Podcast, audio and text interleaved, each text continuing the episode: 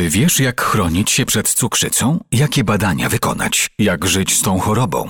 Na te i inne pytania odpowie doktor nauk medycznych Marcin Kosiński, diabetolog z Kliniki Diabetologii Uniwersytetu Medycznego w Łodzi. Na odcinek podcastu z cyklu Ogarnij cukrzycę zaprasza dystrybutor glukometru Akuczek Instant. Panie doktorze, kiedy można mówić o stanie przedcukrzycowym?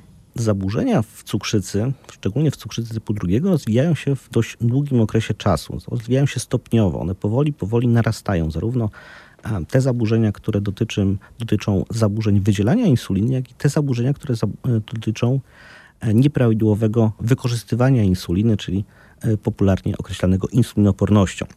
Insulinoporność jest częściowo kompensowana przez zwiększone wydzielanie insuliny, a dzięki temu nasz organizm radzi sobie, radzi sobie troszeczkę w tych zmienionych warunkach metabolicznych. Ponieważ zaburzenia te stopniowo, stopniowo narastają, w którymś momencie dochodzi do pierwszej manifestacji tych nieprawidłowych, nie, nieprawidłowości, głównie tej nieprawidłowej e, wrażliwości na insulinę, ale również wtedy dochodzi do nieprawidłowego już wydzielania insuliny i to właśnie określamy mianem e, stan przedcukrzycowy, czy, czy z angielskiego prediabetes. E, krótko mówiąc, w momencie, kiedy mechanizmy kompensacyjne zawodzą, pojawia się stan przedcukrzycowy. Jest to taki pierwszy moment, w którym możemy zaobserwować za pomocą prostych metod, prostych, czyli takich, które są dostępne tak naprawdę w gabinecie każdego lekarza POZ, prostych, czy jednocześnie też tanich, dlatego że taka diagnostyka, mm, poszukiwanie cukrzycy, poszukiwanie stanu przedcukrzycowego powinno być proste, szybkie i tanie. I właśnie te, te, te stan przedcukrzycowy jest takim pierwszym stanem, który możemy prosto i szybko e, rozpoznać. Czym są określenia nieprawidłowa glikemia na czczo i nieprawidłowa tolerancja glukozy? Nieprawidłowa glikemia na czczo i nieprawidłowa tolerancja glukozy to są właśnie dwa określenia dotyczące stanu przedcukrzycowego, dotyczące różnych jego aspektów. Jeśli mamy do czynienia z takimi zaburzeniami, które głównie wiążą się z tym, że pacjent budząc się po nocy ma podwyższone stężenie glukozy, natomiast w ciągu dnia nie ma zbyt dużych problemów z, z, z wydzielaniem insuliny e, około posiłkową, to wtedy mówimy o nieprawidłowej tolerancji, nieprawidłowej glikemii na czczo. Natomiast jeśli pacjent ma problemy z kompensowaniem posiłków przez zwiększone stężenie, przez zwiększone wydzielanie insuliny, e, wtedy mówimy o nieprawidłowej tolerancji glukozy. Żeby było ciekawiej, oba te stany mogą występować jednocześnie. Natomiast oba te stany są jakby elementami wpisywanymi w tą, ten stan przedcukrzycowy. Oczywiście może wystąpić tylko jeden z nich, ale oczywiście częściej niestety będą występować oba jednocześnie. A czym jest doustny test tolerancji glukozy? A doustny test tolerancji glukozy jest właśnie sposobem na to, żeby stwierdzić nieprawidłową tolerancję glukozy. Bo ile stęż, nieprawidłowe stężenie glukozy naczczo, wystarczy po prostu je oznaczyć tą glukozę naczczo i wtedy mamy już wynik, który wpisany odpowiednie, w odpowiednie normy pokaże nam, czy mamy do czynienia z prawidłową, tolerancją, prawidłową glikemią naczczo, nieprawidłową glikemią naczczo, czy wręcz, wręcz już zjawną cukrzycą. O tyle, żeby rozpoznać nieprawidłową tolerancję glukozy, musimy wykonać pewien test obciążeniowy. Prosty test diagnostyczny, którego polega na tym, że pacjent musi spożyć i tutaj mamy dość określoną ilość w określonym czasie, w określonej objętości. Czy musimy, pacjent musi spożyć 75 gramów glukozy rozpuszczone w mniej więcej szklance wody i mieć oznaczoną, oznaczone stężenie glukozy dwie godziny, dokładnie dwie godziny po wypiciu tej glukozy. I oczywiście ten test pokazuje nam, czy mamy do czynienia z prawidłową tolerancją glukozy, czy mamy do czynienia ze stanem przedcukrzycowym, jakim jest nieprawidłowa e, tolerancja glukozy, czy też mamy już do czynienia, bo na podstawie tego testu również można już rozpoznać cukrzycę. Wszystko zależy od wyniku, jaki osiągniemy w tej drugiej godzinie. Jest to test łatwy, jest to test prosty. Kosztem jest tylko i wyłącznie oznaczenie, dwukrotne oznaczenie glukozy na czczo i po wypiciu tej glukozy, no i koszt glukozy, która sama z siebie jest dość tania. Cały ten test a, powinien zamknąć się w kilkunastu złotych mniej więcej. Czy jest to test prosty, jest to, też szybki, jest to test szybki dość, oczywiście no, poświęcający troszkę czasu pacjenta e, i przede wszystkim łatwy bardzo do interpretacji, dlatego że mamy ściśle określone normy dotyczące e, przy jakiej wartości rozpoznajemy jaki stan. Co jest dość ważne, to to, żeby pacjent po między pierwszym, pierwszą oznaczeniem glukozy i wypiciem tej glukozy pozostawał w spoczynku do tego, do tego drugiego pobrania, dlatego że jakikolwiek większy wysiłek będzie powodował, że ten cukier będzie nam się zbyt mocno obniżał w stosunku do wartości, którą chcielibyśmy zaobserwować, czyli Tutaj nie może być to być tak, że pacjent wypija glukozę, idzie sobie na zakupy, tylko musi niestety w tej poradni dwie godziny spędzić. To był też duży problem, który mieliśmy w ostatnich y, dwóch latach, gdzie po prostu no, pozostawanie pacjenta przez te dwie godziny w poradni było trochę trudne z uwagi na ograniczenia epidemiczne. W jakiej postaci cukrzycy występuje prediabetes?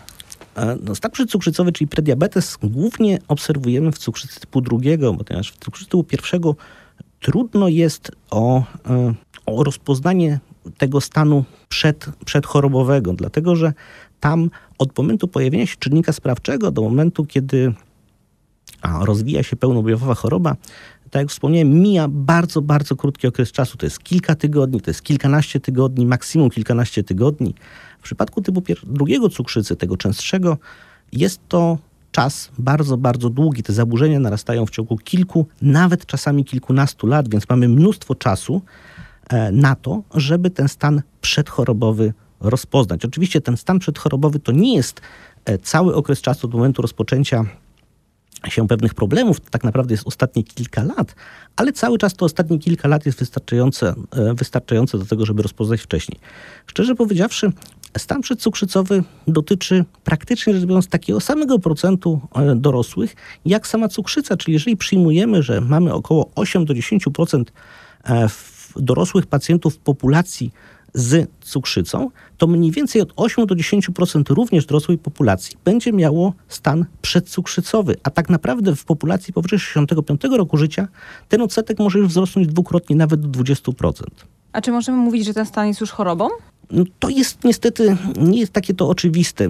Trudno jest powiedzieć, że stan przedcukrzycowy jest chorobą. My go specjalnie dlatego wydzielamy, że on nie spełnia troszkę kryteriów choroby jako takiej to jest jednocześnie problem y, i y, w pewnym sensie problem, dlatego że no, trudno mówić o leczeniu czegoś, co chorobą nie jest. W przypadku stanu przedcukrzycowego mówimy o stanie przedchorobowym i wtedy mówimy nie tyle o leczeniu stanu przedchorobowego, co o zapobieganiu wystąpienia cukrzycy. Może e, z punktu widzenia nazewnictwa to jest, to jest nielogiczne, natomiast z punktu widzenia praktyki tak naprawdę o niczym się nie różni. To znaczy leczenie stanu przedcukrzycowego praktycznie niczym nie różni się od leczenia e, cukrzycy typu drugiego w bardzo, bardzo wczesnym stadium. To jest dokładnie taka sama interwencja, dokładnie czasami używamy też nawet podobnych leków, albo właściwie tych samych leków, tylko troszkę, troszkę z inną intencją, żeby osiągnąć, osiągnąć zakładany efekt.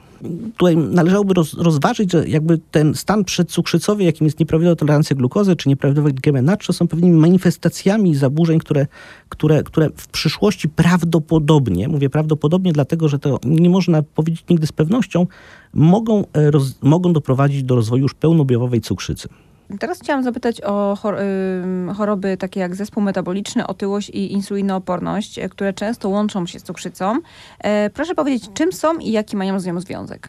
Zespół metaboliczny, otyłość i insulinoporność tak naprawdę występują zazwyczaj razem, dlatego że mm, otyłość i insulinoporność są jednymi z elementów zespołu metabolicznego, w skład którego wchodzi również e, naciśnienie tętnicze, zaburzenia gospodarki lipidowej, szczególnie takie zaburzenia, które określamy mianem ładnie, brzmi, znaczy brzydko, ładnie brzmiącym, natomiast dość poważnym, mianowicie, mianowicie aterogennej dyslipidemii. To jest taki układ e, lipidów w naszej, w naszej krwi, który szczególnie mocno związany jest ze zwiększonym ryzykiem e, odkładania się tych lipidów w naszych naczyniach, czyli rozwoju e, czegoś, co określamy mianem miażdżycy naczyń.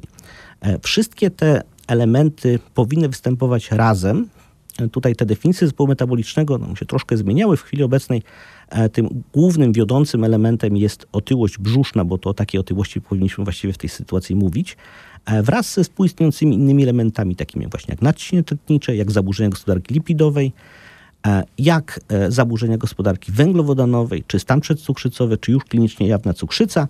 Wchodzą tam również oczywiście inne troszkę zaburzenia, takie jak zaburzenia pod postacią podwyższonego stężenia kwasu moczowego, czy zaburzenia pod postacią tak zwanego stłuszczenia wątroby, czy stłuszczeniowej e, choroby wątroby.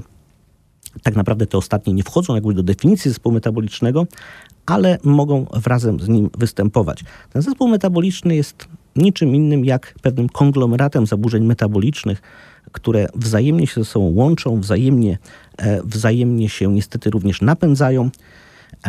Wszystkie te zaburzenia oczywiście są związane z cukrzycą, ale cukrzyca jako taka nie musi wcale wystąpić w zespole metabolicznym, żebyśmy o nim mówili. Wystarczy, że dojdzie do e, zaburzeń gospodarki węglowodanowej, insulinoporności stwierdzanych za, właśnie za pomocą choćby testu doustnej tolerancji glukozy.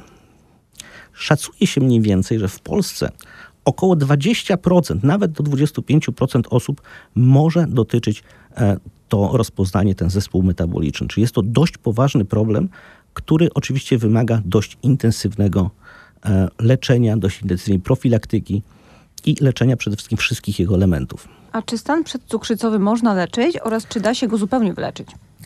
tak jak mówię, nie ma pewności, czy stan przedcukrzycowy w 100% przejdzie w, w, w cukrzycą, cukrzycę typu drugiego, nawet jeśli będzie nieleczony. Natomiast no, jesteśmy dość mocno przekonani, że u większości pacjentów, u których nie przeprowadziliśmy żadnej interwencji, e, to rozpoznanie kiedyś niestety będzie musiało zostać postawione w przyszłości.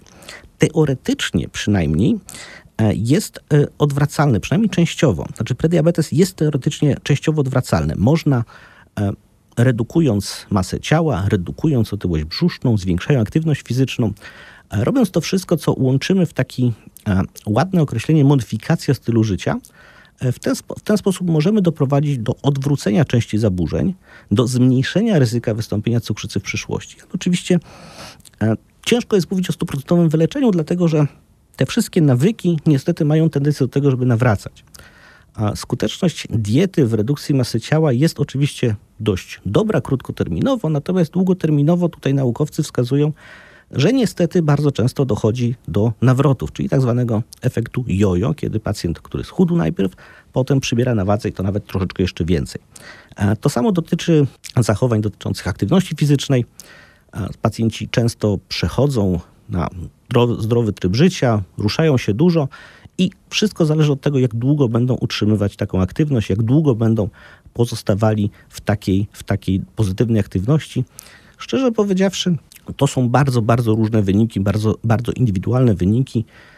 Wszystko oczywiście zależy od tego, kiedy zaczniemy, jak bardzo jesteśmy zmotywowani, jak bardzo jesteśmy przekonani, żeby zmienić swój, swoje, swoje zachowania żywieniowe, jak bardzo jesteśmy przekonani, żeby zmienić swoje zachowania aktywnościowe. Bardzo często obserwujemy bardzo skuteczne efekty. Natomiast no, ciężko jest przepraszam, ciężko jest powiedzieć jednoznacznie, że uda się zapobiec wystąpieniu cukrzycy, ale z drugiej strony ciężko, znaczy stanu przedcukrzycowego, a z drugiej strony ciężko jest też powiedzieć, e, kiedy stan przedcukrzycowy do już cukrzycy przejdzie.